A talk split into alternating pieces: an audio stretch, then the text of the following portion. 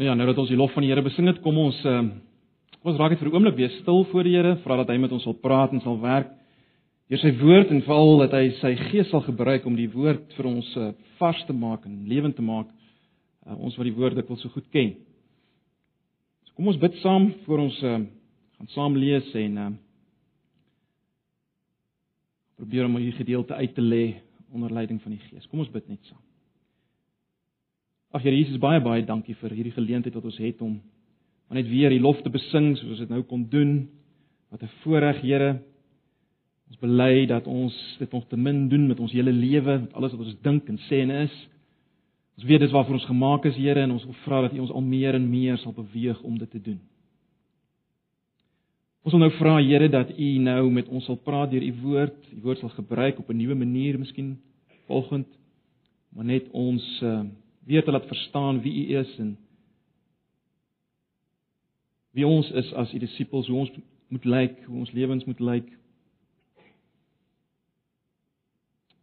Asseblief, gebruik U woord. Ja, Here, U weet van almal wat ver oggend nie hier is nie, wat siek is. Swaar kry. U weet van al die hartseer Ag Here, wil U self vanoggend maar net vertroos deur die Gees en versterk. Mense help om U raak te sien te midde van hulle swaar kry. U die een wat weet, verstaan, dit deurgegaan het vir ons juis om uiteindelik vir ons 'n uh, nuwe lewe te gee, vir altyd, ewig in U teenwoordigheid. Asseblief, ons vra dit in Jesus se naam. Amen.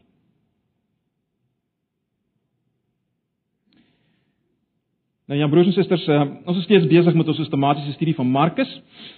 Ons is stadig maar seker besig om deur die boek te beweeg, soos julle sal agterkom. Ehm um, en ons is by Markus 12. En julle sal onthou dat ons gestop het by vers 40. So daar's net 'n paar versies oor uh aan die einde van hoofstuk 12 en uh dis wanneer ons vanoggend gaan kyk en dis uh, op die oog af lyk dit miskien ooglopend uh, wat hier aangaan, maar ek moet sê ek het baie baie geworstel daarmee. So uh uh Kom ons kom ons kyk of ons dalk dit op 'n nuwe manier vir eh, vir oggend gaan gaan raak sien, gaan sien wat die Here vir ons wil sê hierdeur. So kom ons kyk aan daai laaste verse vers 41 tot 44 en dan van volgende Sondag af of volgende Sondag gaan ons uh, hoofstuk 13 pak, die bietjie van 'n moeiliker gedeelte. Maar kom ons uh, kyk vir oggend uh amper ter afsluiting van 'n hele blok materiaal. Kom ons kyk na vers 41 tot 44. Van Markus 12. Jesus het toe reg oor die offergawe kus gaan sit en kyk hoe die mense geld daarin gooi. Baie ryk mense het baie geld ingegooi. Daar het toe 'n arm weduwee gekom en twee muntstukkies ingegooi. Dit was baie min werd. Hy het sy disippels nader geroep en vir hulle gesê: "Dit verseker ek julle, hierdie arm weduwee het meer ingegooi as al die ander mense wat iets in die offergawe kus gegooi het." Hulle het almal uit hulle oorvloed iets ingegooi, maar sy het in haar gebrek alles ingegooi wat sy gehad het, alles waarvan sy moes lewe. Net daai gedeelte.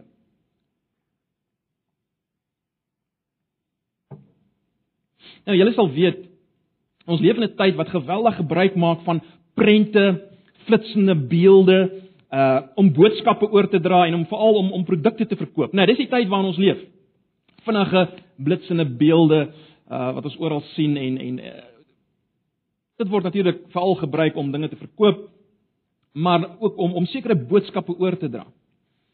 Nou, is baie interessant in 'n sekulêre artikel oor die gebruik van van hierdie visuele beelde uh, skryf die uh, skryf 'n skrywer die volgende is 'n artikel wat ek raak gelees het. Ek ek haal net 'n stukkie uit. Hy sê image makers hope that in the moment it takes to consume an ad or a commercial frame their carefully selected graphics like the image of the flag nou en ek gaan die artikel oor hoe die Amerikaanse vlag gebruik kan word om om 'n sekere boodskap oor te dra. Kom ek lees net weer. Their carefully selected graphics like the image of the flag will evoke emotions and memories bubbling deep within us. Pictures that evoke these deep memories can be very powerful and also very spiritual. Powerful visuals evoke emotions driving a deeper engagement and more profound change in behavior.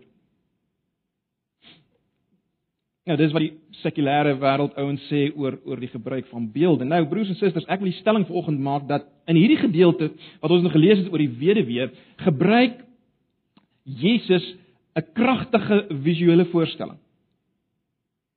'n Kragtige beeld. En net wel die Jesus wat dit gebruik is die een wat weet hoe ons is, hoe ons mekaar gesit is, né? Nee, hy het ons gemaak en hy weet hoe ons werk. Hy weet hoe kragtig beelde is. Jesus weet hoe kragtig beelde is.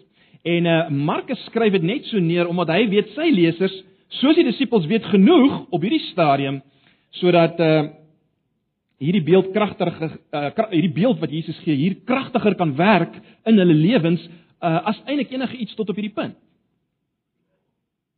En my gebed is vanoggend dat dat ons wat nou deur Markus is tot op hierdie punt dat hierdie beeld wat Jesus hier gebruik uh dinge by ons sal oproep en weer sal inbrand. Met ander woorde, as jy as jy tot op hierdie stadium baie dinge half vergeet het en en, en nie lekker kon onthou wat ons eintlik miskien mee besig was nie, wel my gebed is dat dat hierdie laaste beeld dit weer sal vasslaan op 'n nuwe manier en uh dat dit ook ons sal deurdra in ons uh Christelike lewens van elke dag. So kom ons kyk net net net bietjie voor ons begin insak op uh, hierdie gedeelte. Kom ons dink net weer aan die konteks en ek ek gaan nou redelik breedvoerig daarop in want ek dink dit is belangrik. Kom ons dink net weer, waar vind ons hierdie gedeelte? Met ander woorde, wat is die konteks? Wat wat gaan vooraf? Hierdie gedeelte wat ons ver oggend gelees het, staan eintlik reg aan die einde van 'n groot blok materiaal wat in 'n sekere sin begin by Markus 8 vers 32. Waar Jesus vir die eerste keer aankondig dat hy gaan ly en gekruisig gaan word. Luister net hoe stel Jesus dit.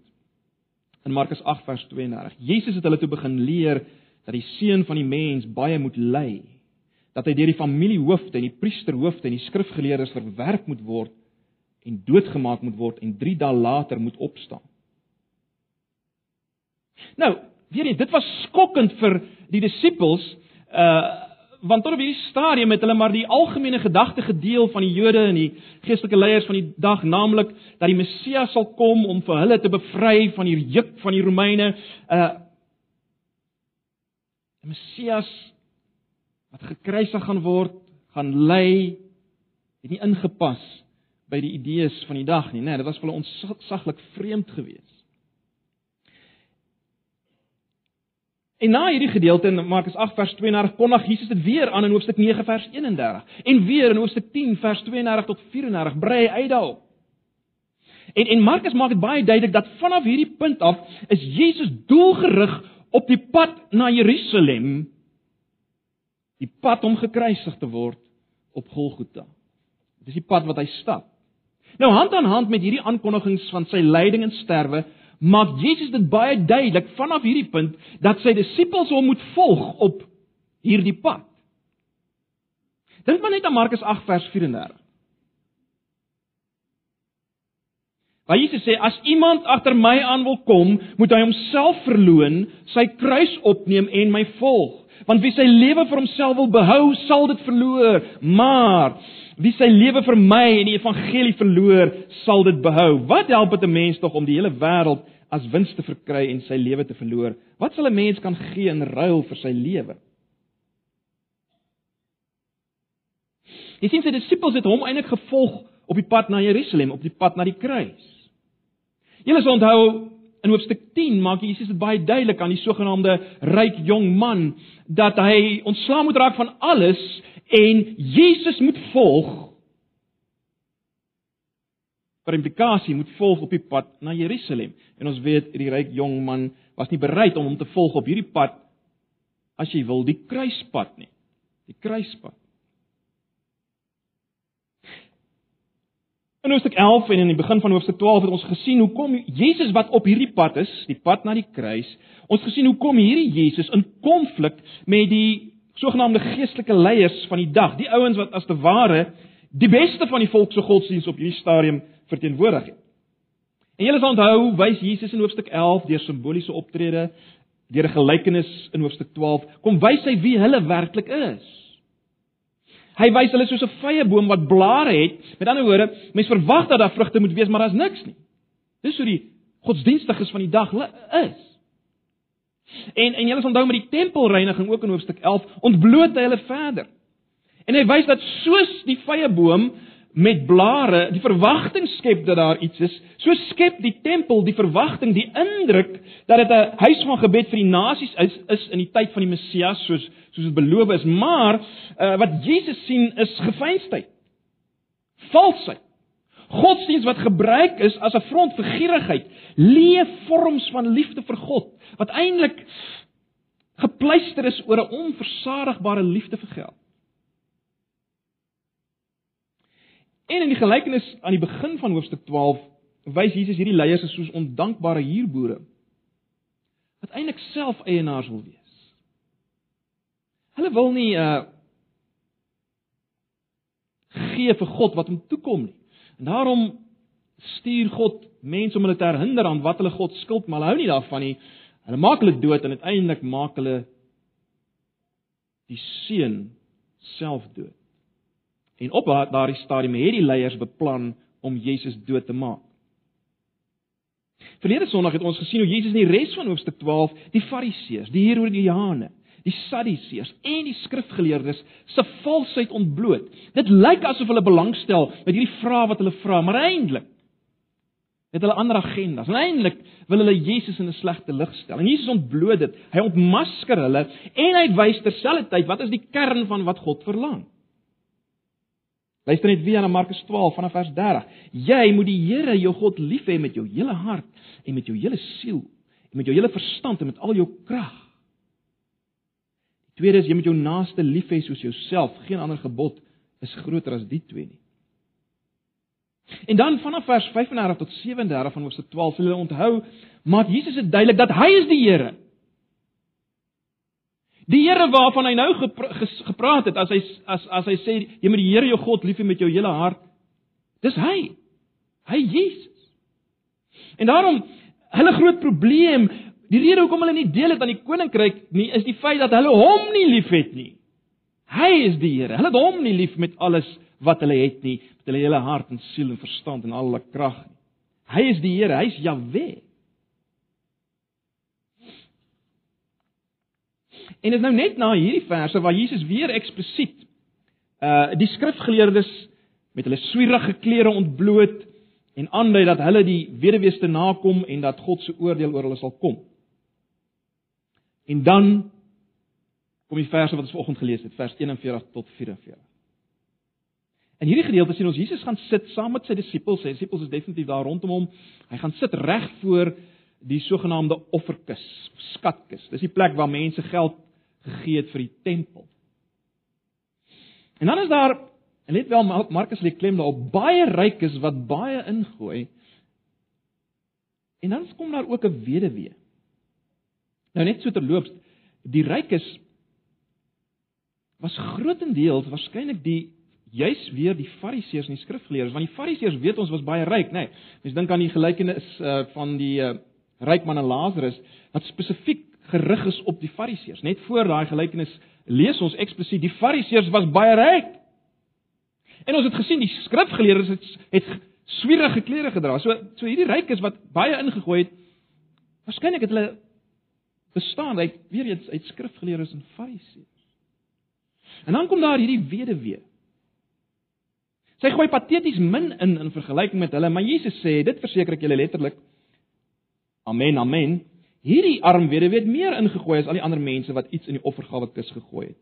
Hulle het almal uit hulle oorvloed iets ingegooi, maar sy het in haar gebrek alles ingegooi wat sy gehad het, alles waarvan sy moes lewe. Dis vers 44 en dan nou, nou na hierdie verse kom kom hoofstuk 13 waar Jesus praat oor die vernietiging van die tempel en die einde en dan word Jesus gekruisig en wel dan is Markus klaar.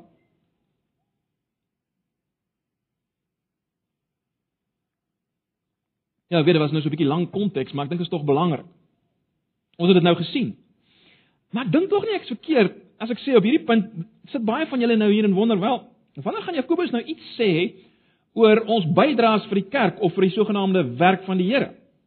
En en en en hoe gaan hy nou die weduwee gebruik as voorbeeld om ons as te ware emosioneel te beweeg om dit te doen. En en ek meen dit, dit, dit is dalk 'n goeie tyd om dit te doen want uh die kerk se finansies lyk nie so goed nie.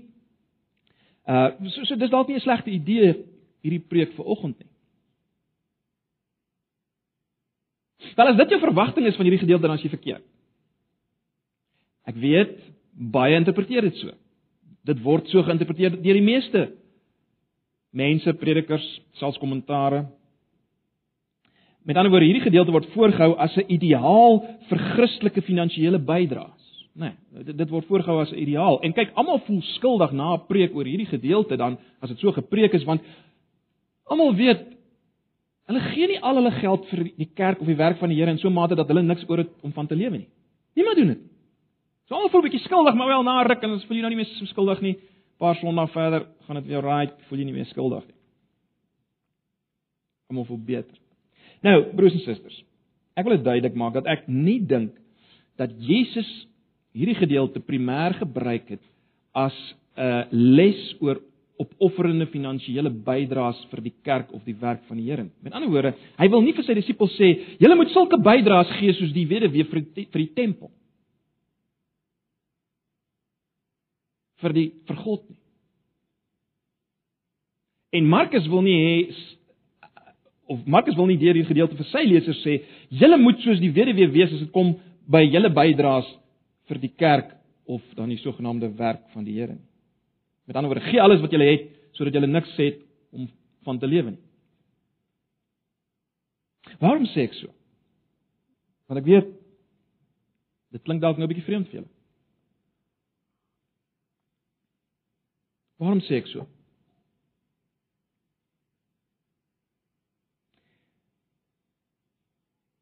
Wel, natuurlik die hele konteks dui op iets anders, die groter konteks, die hele groter konteks. Uh dit pas nie heeltemal in by die hele groter konteks nie.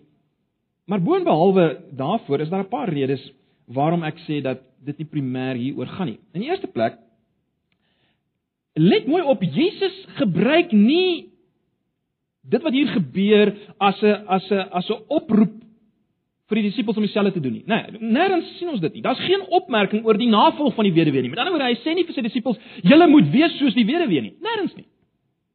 En Markus maak ook nie 'n 'n nota aan sê hiermee het Jesus aangedui wat sy disippels moet gee vir die koninkryk of so iets nie. Uh, Dikwels doen die skrywers dit. Maar daar's niks daarvan nie. Het julle dit gesien? Daar's geen opmerking wees soos die weduwee nie. Jesus stel bloot net die gebeure. Né? Nee, hy stel bloot die gebeure.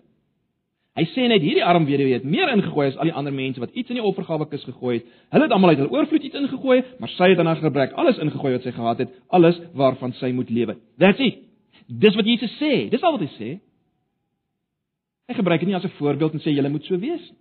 Dis die eerste rede hoekom ek nie dink dit gaan primêr hier oor die gee van finansiële bydraes nie. Tweedens is daar geen aanduiding dat hierdie weduwee Jesus nagevolg het of erken het nie. En ek meen dit was soos ons nou gesien het, juist die punt tot op hierdie stadium, né? Ja, dis wat Jesus ons mekaar gesê het. Die navolgings navolging van Jesus was belangrik, nie al die rituele van die godsdienstige leiers nie. Of jy baie gegee het en of jy min gegee het, wel was eintlik irrelevant. As jy Jesus gemis het, het jy alles gemis. Dis die hele konteks tot op hierdie punt, né? Nee, dis wat Jesus probeer aandui en dis wat Markus probeer aandui. Ek meen Jesus is die Here. So of Jesus hierdie vrou sou gebruik het as voorbeeld vir die finansiële gee vir die werk van die Here, wel, dis te betwyfel. Derdens. Derde rede. Jesus was nie op hierdie stadium positief oor die tempel nie. Ons weet dit, né? Die tempel en wat daar gebeur het nie. Uh, hy wil verseker nie die gee van geld vir die tempel aanbeveel nie. Verseker nie op hierdie stadium.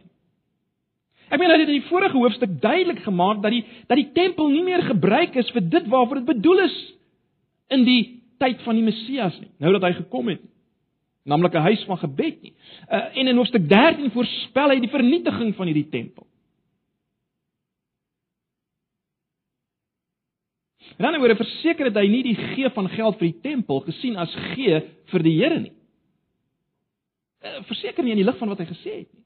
Ek meen hy is die Here. En op hierdie stadium met die tempel ingedruis teen alles waarvoor hy gestaan het. So dis die derde rede. Dan is daar 'n vierde rede. Uh tot op hierdie stadium het Jesus nooit verwag van die armes om iets te gee nie. Nooit nie. Om die waarheid te sê, hy het verwag dat die ryk jong man juis vir die armes sal gee, maar hy het nooit van die armes verwag om die bietjie geldjies wat hulle het ook nog weg te gee nie. Uh, tot op hierdie stadium het hy nooit so iets verwag nie. So dis 'n vierde rede hoekom ek dink dit gaan nie primêr daaroor nie. En dan vyfdens, baie interessant in hoofstuk 7 sal julle onthou, was Jesus nie baie positief om die waarheid te sê, was baie negatief uh oor die sogenaamde korban gebruik wat die ouens gehandhaaf het. Dit was 'n oorgelewerde gebruik uh weer eens deur die skrifgeleerdes en die fariseërs wat volgens sekere geld op sy moes gesit gewees het vir 'n offer aan die Here. En Jesus is nie baie positief oor die feit dat die ouens daai leerstelling daai wet wat hulle bygevoeg het as te ware gebruik om byvoorbeeld hulle ouers oor te sien in hulle versorging nie. Met ander woorde, nee, hierdie geld is op sy gesit vir die vir God, so ons kan nie dit gebruik om ons ouers te versorg nie. Jesus was teen die gebruik van die korban. En en as goeie aanduiding eh, of eh, daar's 'n goeie moontlikheid dat ek dit so kan stel dat hierdie weduwee onder die invloed was van hierdie korban gebruik en daarom gee sy nou alles wat sy het hier by die tempel. Jesus was nie positief daaroor. Kom ek stel dit so, Jesus was verseker nie positief oor die feit dat 'n weduwee haar hele lewensonderhoud weggee sodat die priesters dit kan wanbestee in die plek wat hy Jesus in hoofstuk 11 vers 17 'n rowerspelonk noem nie. Hy noem dit 'n rowerspelonk. Die werk van die Here is nie daar gedoen nie.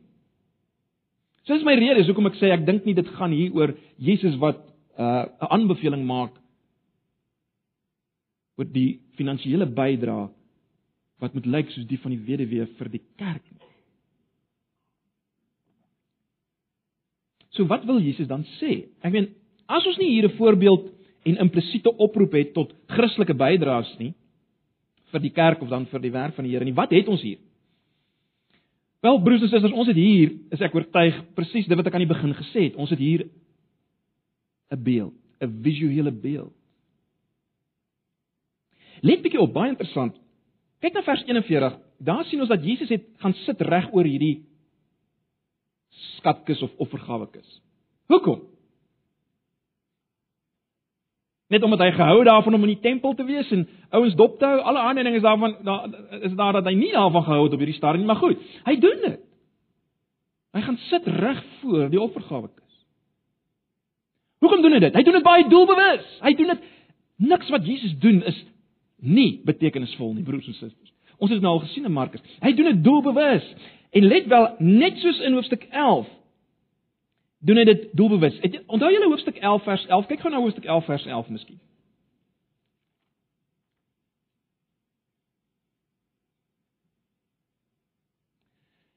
In hoofstuk 11 vers 11 lees ons Jesus het in Jerusalem na die tempel toe gegaan en alles daar bekyk. Dit was 'n laat middag toe hy in die 12 weer na Betanië toe gegaan het. So in Hoofstuk 11 vers 11 sien ons Jesus dan na die tempel toe gaan. Hy het alles mooi bekyk en dan net na 11 vers 11 vanaf vers 12 sien ons hoe hy kom en hy uh, kry ons daai hele gedeelte van die vrye boom, né? Nee. Uh ons in die volgende vers sien ons hoe hy 'n vrye boom wat blare gehad het en toe hy kyk en daar's nie vrye nie, toe vervloek hy hierdie vrye boom. En ek wil waag om te sê ons presies dieselfde hier. In ander woorde, dit wat die weduwee doen teenoor dit wat die rykes doen, was net so 'n teken soos die vrye boom met blare sonder vrugte. Ons het net so 'n teken hier. So Jesus gaan sit doelbewus vir die offergawe kus, net soos hy doelbewus in hoofstuk 11 rondgekyk het na dit wat daar aangaan. So ons het hier weer eens 'n teken net soos die teken van die vrye boom met blare sonder vrugte wat Jesus vervloek. Maar let nou op net so min soos die punt van daai vrye boom met die blare uh sonder die vrugte wat Jesus vervloek het, net so min soos die punt is dat Jesus alle vrye bome wat nie vrug dra nie vervloek, fisies letterlik vervloek. Net so min gaan dit hier oor die letterlike fisiese gee van jou geld vir die tempel wat Jesus aanbeveel. Of net so min soos Jesus as hy verwys na die beker wat hy moet drink, wys verwys na 'n letterlike beker wat hy gaan uitdrink op Golgotha. Weereens net so min gaan dit hier oor die oor die letterlike fisiese gee van geld vir die kerk of die werk van die Here. So vers 41 is al klaar vir ons 'n uh, interessante aanduiding dat ons hier te maak het met iets meer. Let ook op in vers 43 dat Jesus praat spesifiek met sy disippels. En ons weet nou al as Jesus spesifiek met sy disippels praat, dan wil hy vir hulle iets leer oor wie hy is en en wat hulle hoe hulle moet lyk as disippels, né? Nee.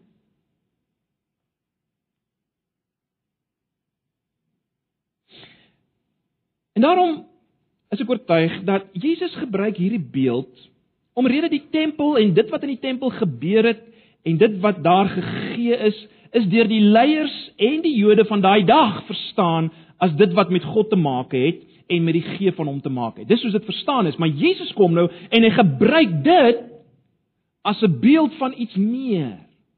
Dit staan vir iets anders. En hy het geweet dat sy disippels op hierdie stadium die krag en die impak hiervan sal voel in die lig van alles wat hy tot op hierdie punt vir hulle geleer het.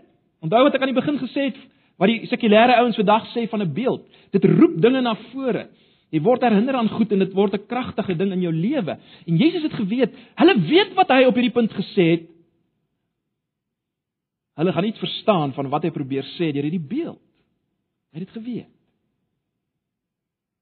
Onthou weer die konteks.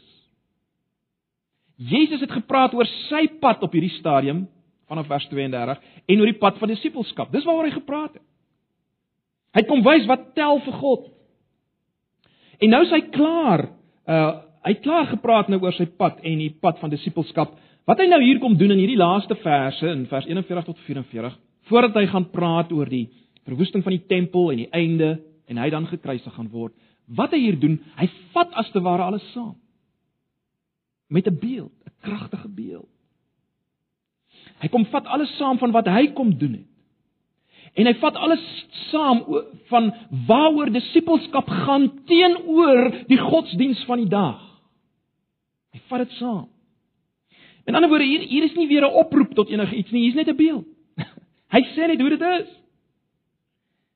Hy sê hier is 'n beeld van wat hy kom doen het en 'n beeld van wat disippelskap is, volgelingskap van Jesus is, Christen wees as jy wil is. En hy doen dit in 'n beeld wat hulle nou self voor hulle sien hier by die tempel.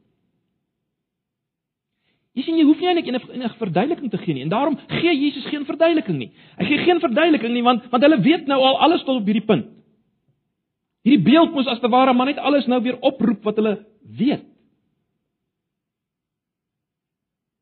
En dis waarvoor Markus dit ook net so neerskryf vir sy lesers. En dis wat die Heilige Gees wil hê moet gebeur as ons dit weer lees.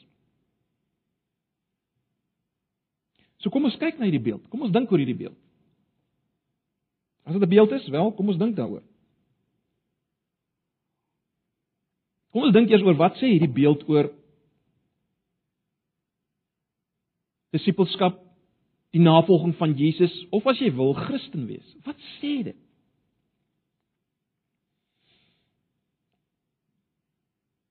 Onthou nou ons het mekaar gesê Jesus is die Here. Hy is God. Dis wat dis die punt wat in Markus baie duidelik gemaak word vanaf die begin van Markus. En hierdie Jesus het as te ware die tempel vervang in alles waarvoor dit gestaan het, né? Nee, hy het dit oorgeneem.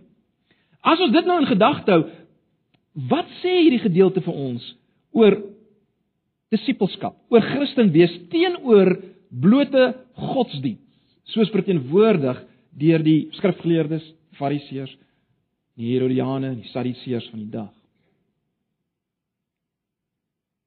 En dan in die beeld soos verteenwoordig deur die rykes by die skatkis teenoor die arm weduwee. Wat sê hierdie gedeelte? Wat sê hierdie beeld? Wat sê hierdie beeld? Ek dink dis 'n paar dinge wat wat na vore kom. Is is is interessant om op te let dat Markus veral klem lê daarop dat dat die wat baie ingegooi het, was baie. Want daar's baie ouens wat baie ingegooi het. En soos ek nou reeds gesê het, waarskynlik was dit die Fariseërs en die skrifgeleerdes veral. Daar was baie van hulle, maar daar was net een weduwee. En onmiddellik sê dit vir ons, hierdie beeld onmiddellik sê vir ons broers en susters dat Jesus se volgelinge Ware disippels, Christene as jy wil, is altyd in vergelyking met blote godsdienstiges min. En ons moet dit weet. Dit beteken nie ons moet tevrede wees dat daar min Christene is nie. Dit beteken nie daar is min Christene nie, maar luister mooi, op 'n gegeewe oomblik in vergelyking met blote godsdienstiges is ware kinders van die Here min.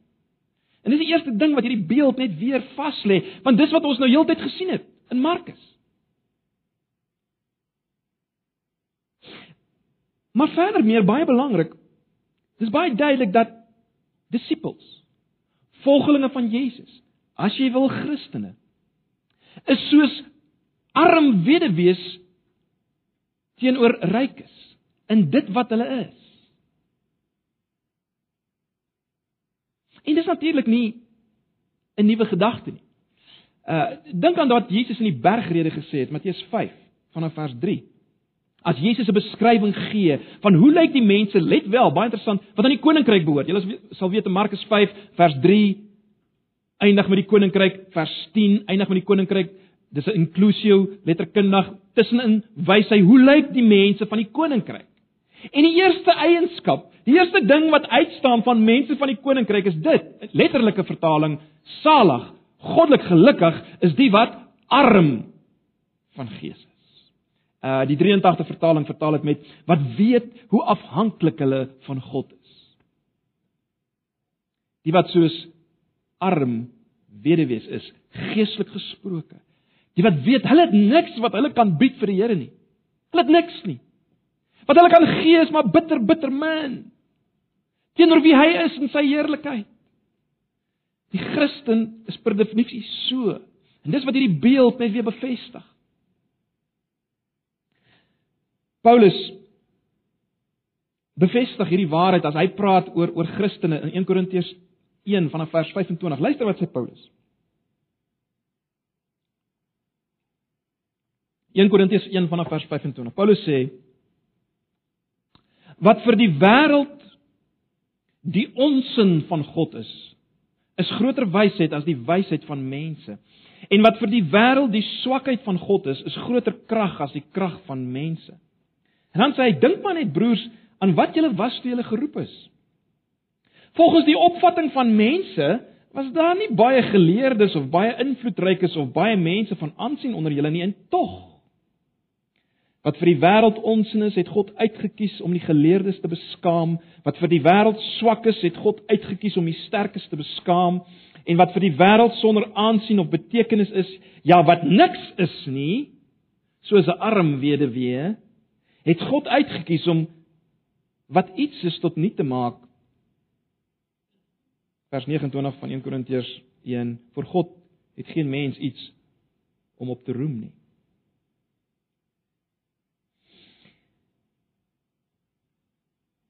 Ons moet die kontras sien broers en susters. sien hierdie kontras voor jou. sien hierdie kontras voor jou. Aan die een kant hierdie ryk is, hierdie baie ryk is. Aan die ander kant arm weduwee. Daar's 'n verskil, is daar nie? Daar's 'n radikale verskil en ons moet dit raak sien. Disippels van die Here, Christene staan in absolute kontras dit teen blote godsdienstiges. Wat hoe goed ook al op die oppervlak mag lyk. En dis wat Jesus oor en oor beklemtoon het, is dit nie? Die mense wat hom volgens anders, hy het gesê ek het nie gekom om regverdiges te roep nie, maar sondaars tot bekering. Ons is sondaars wat tot bekering gekom het. Ons is nie selfsugtige, selfgerigte, ryk godsdienstiges nie, né? Dis belangrik. 'n Christen is nie dit nie. 'n Christen gee nie voor nie. Hy voer nie bloot rituele uit as dekmantel vir sy valsheid of sy gierigheid soos die godsdienstiges van daai dag nie. Daar's 'n radikale verskil en en en hierdie beeld van Jesus lig dit uit. Hierdie radikale verskil. As 'n blote godsdienstiges en Christen en hy gebruik hierdie beeld. Hy wil hê hulle moet dit sien. Wat volgelinge van Jesus is en doen, lyk nie indrukwekkend en kragtig nie, né? Nee. Soos die geld wat die wat die rykes hier ingegooi het, baie gelyk het en indrukwekkend was. Ek meen hulle is so selfversekerd. Hulle lyk so hulle lyk so goed. Wat die disippels doen lyk nie indrukwekkend nie, net so min soos wat wat die weduwee hier doen. Maar sien die koninkryk van God waarvan Jesus praat van die begin van Markus af is so, is totaal anders. Uh, Dink aan Markus 4 vers 31 by die gelykenis van die saaier, waar Jesus sê, die koninkryk van God is soos 'n mosterdsaadjie, op daai stadium die die kleinste bekendste saadsoort. Die die die koninkryk van God is soos 'n mosterdsaad, klein, on, onindrukwekkend, maar dit word die grootste boom. Jy sien in die koninkryk werk dit so.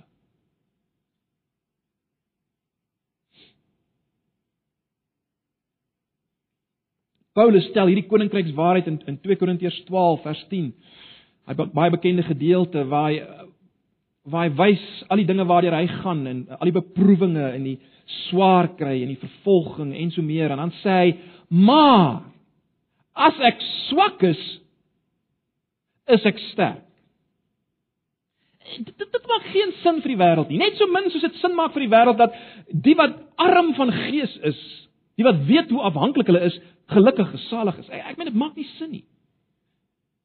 Dat swakkes sterk is. Hier sien jy die koninkryk, die koninkryk van God werk anders. Totaal teenoorgestel en ons moet dit hoor. Ons moet dit sien in hierdie beeld. Die koninkryk van God is anders. Ons kan nie dink in menslike terme nie. Volgens menslike standaarde van wat werk en wat is sukses en wat is goed nie. Die koninkryk van God keer alles om. En dis wat ons hier sien. Maar natuurlik baie belangrik.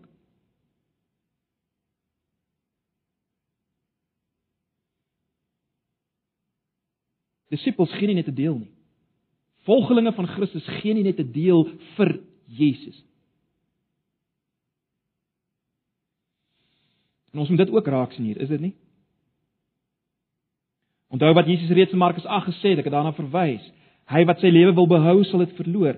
En as hy praat van sy lewe, is dit dit wat wat wat vir jou saak maak, jou lewe, wat as natuurlike mens gaan oor jouself en wat jy kan kry en en en en en en, en hoe jy kan beïndruk, nê. Nee, dit en alles wat daai lewe van jou voed.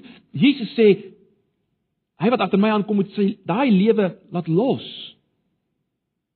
Want as jy dit wil behou, sal jy alles verloor, maar as jy dit verloor, sal jy lewe kry. Jy sal dit behou. Jy sal werklike lewe kry. En dis wat ons hier baie duidelik sien, is dit nie? Ons het in Markus 12 gesien ons moet die Here en ons het nou vir mekaar gesê dis Jesus, ons moet hom lief hê met daai binneste jy. Daai jy wat alleen daar op jou bed lê, jou binneste jy, jou hart. Jou denke.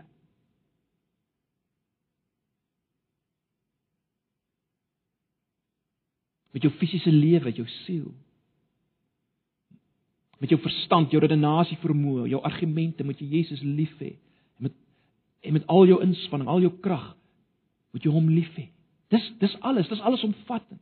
En dis wat ons hier in 'n beeld vasgevang sien. Ja, al voel dit na niks nie en dit is nie indrukwekkend nie. Jy voel ek het niks wat ek kan gee nie, soos weet weet. Word vertroos daardeur. Jesus weet Jesus sien soos hy hier gesit het en kyk het en geweet het wat aangaan. Hy weet alles. Hy weet dat jy niks het om eintlik te gee nie. Hy weet dat as jy swak is, is jy sterk en ag ons moet vertroos word daardeur broers en susters. Jesus weet, Jesus sien soos hy hier dit gesien het.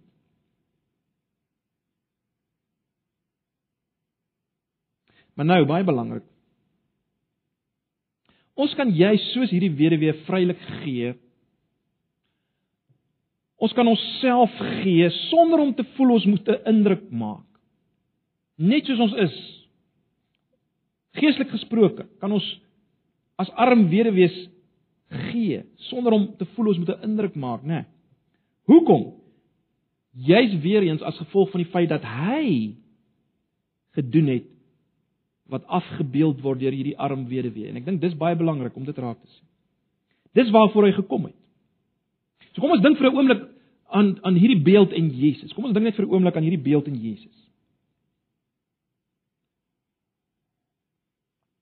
Broers en susters, Jesus op aarde was nie indrukwekkend nie, hoor. Gaan lees maar die begin van Jesaja 53 om dit om dit ook raak te sien. Jesus was nie indrukwekkend volgens die sigbare nie. Ons lees hy het nie eens 'n plek gehad om sy kop neer te lê nie.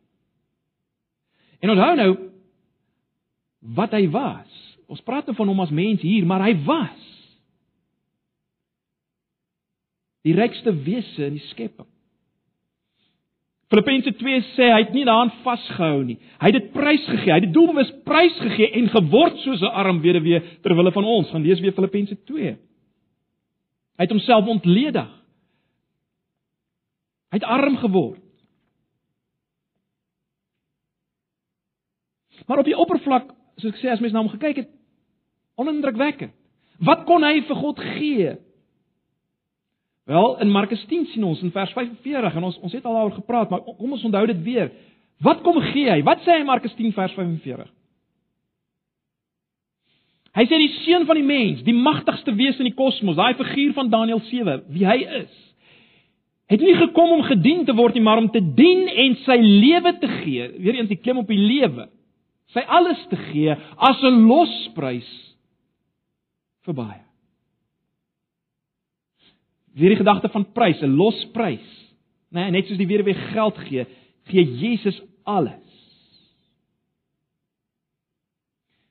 Ons het al daaroor gepraat, die beeld van losprys kom uit die uit die slawemark, geld wat jy gee om 'n slaaf los te koop uh van sy vorige slawe eienaar.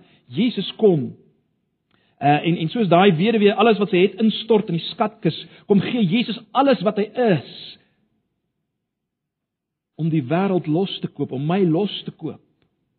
Deur sy lyding, deur sy sterwe. Hy kom koop ons los van die wêreld. Hy kom koop ons los van die duiwel. Hy kom koop ons los van onsself, van ons selfgerigtheid. Juist sodat ons kan gee. Onsself kan gee.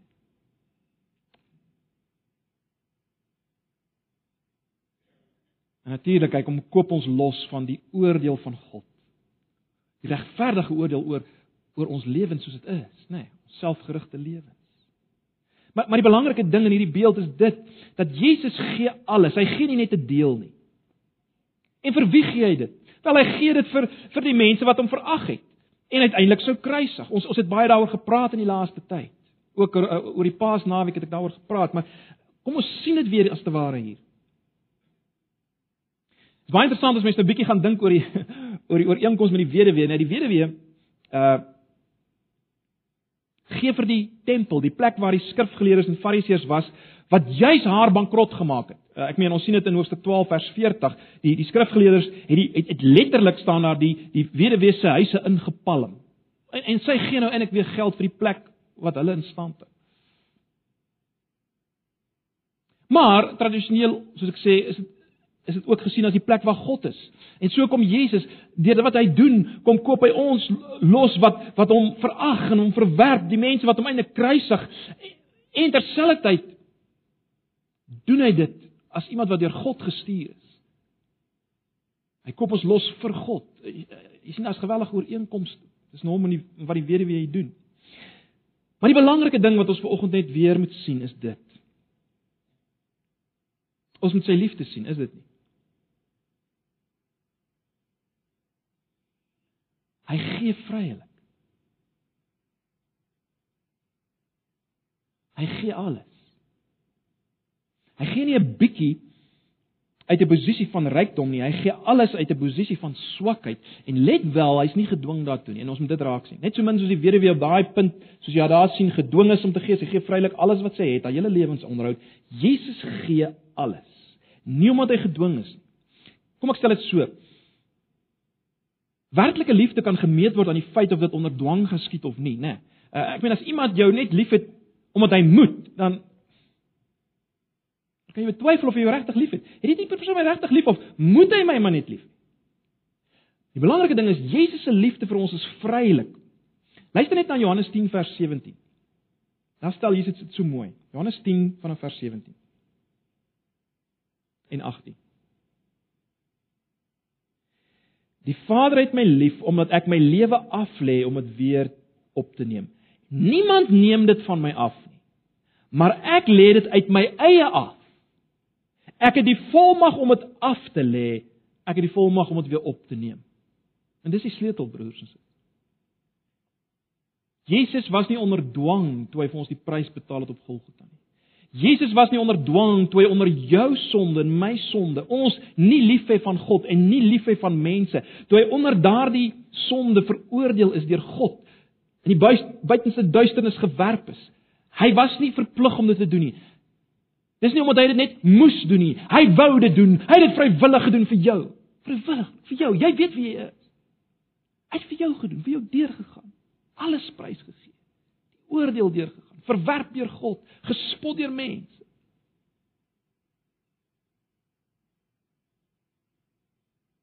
sodat ek en jy vrygespreek kan word. Deur God gesien kan word as die wat alles het in sy oë. Alles het wat vir hom belangrik is. Vrygespreek bloot deurdat ons vashou aan Jesus deur die geloof. Maar belangrik vanoggend sien dit. sien dit raak. Sy liefde. Hy wou dit doen. Hy wou dit doen.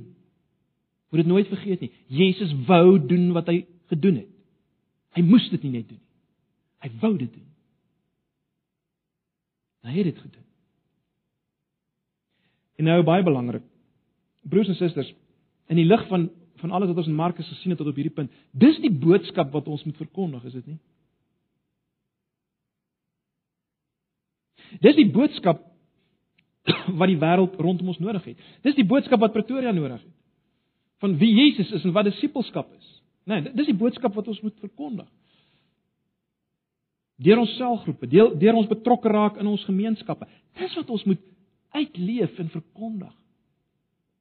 Wie Jesus is en wie ons moet wees as disippels, as volgelinge van die Here. So dis baie belangrik. So ek sluit af. As jy vanoggend wil weet wat is Christendom ten diep, diepste?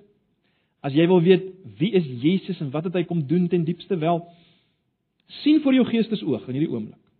sien in jou geestesoog hierdie prentjie. sien aan die een kant die baie ryk is wat baie gee uit hulle oorvloed. En sien aan die ander kant die arm weduwee wat baie min gee maar wat alles gegee het, haar hele lewensonderhoud gegee het. En hoor Jesus vanoggend as hy sê sy het meer gegee. Ag broers en susters,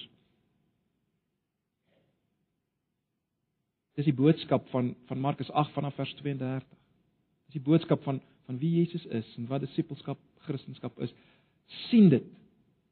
En laat dit jou deurdra. In jou daaglikse lewe as disipel van Jesus by jou werk, in jou huisgesin, teenoor jou kinders, teenoor jou vrou, teenoor jou man. Hou dit voor oë. Hou dit voor oë. Dit sal jou deurdra. Mag die Here ons help daarmee. Kom ons sluit af in gebed.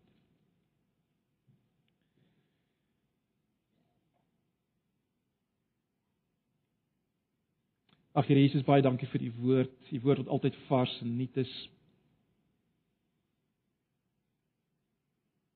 Dankie vanoggend vir hierdie beeld. Ja Here, ons ons weet alles wat ons vanoggend oor gepraat het, maar ek wil vra dat dit u dit maar net opnuut sal gebruik in ons lewens, in my lewe dat ons u sal sien dit wat u kom doen het.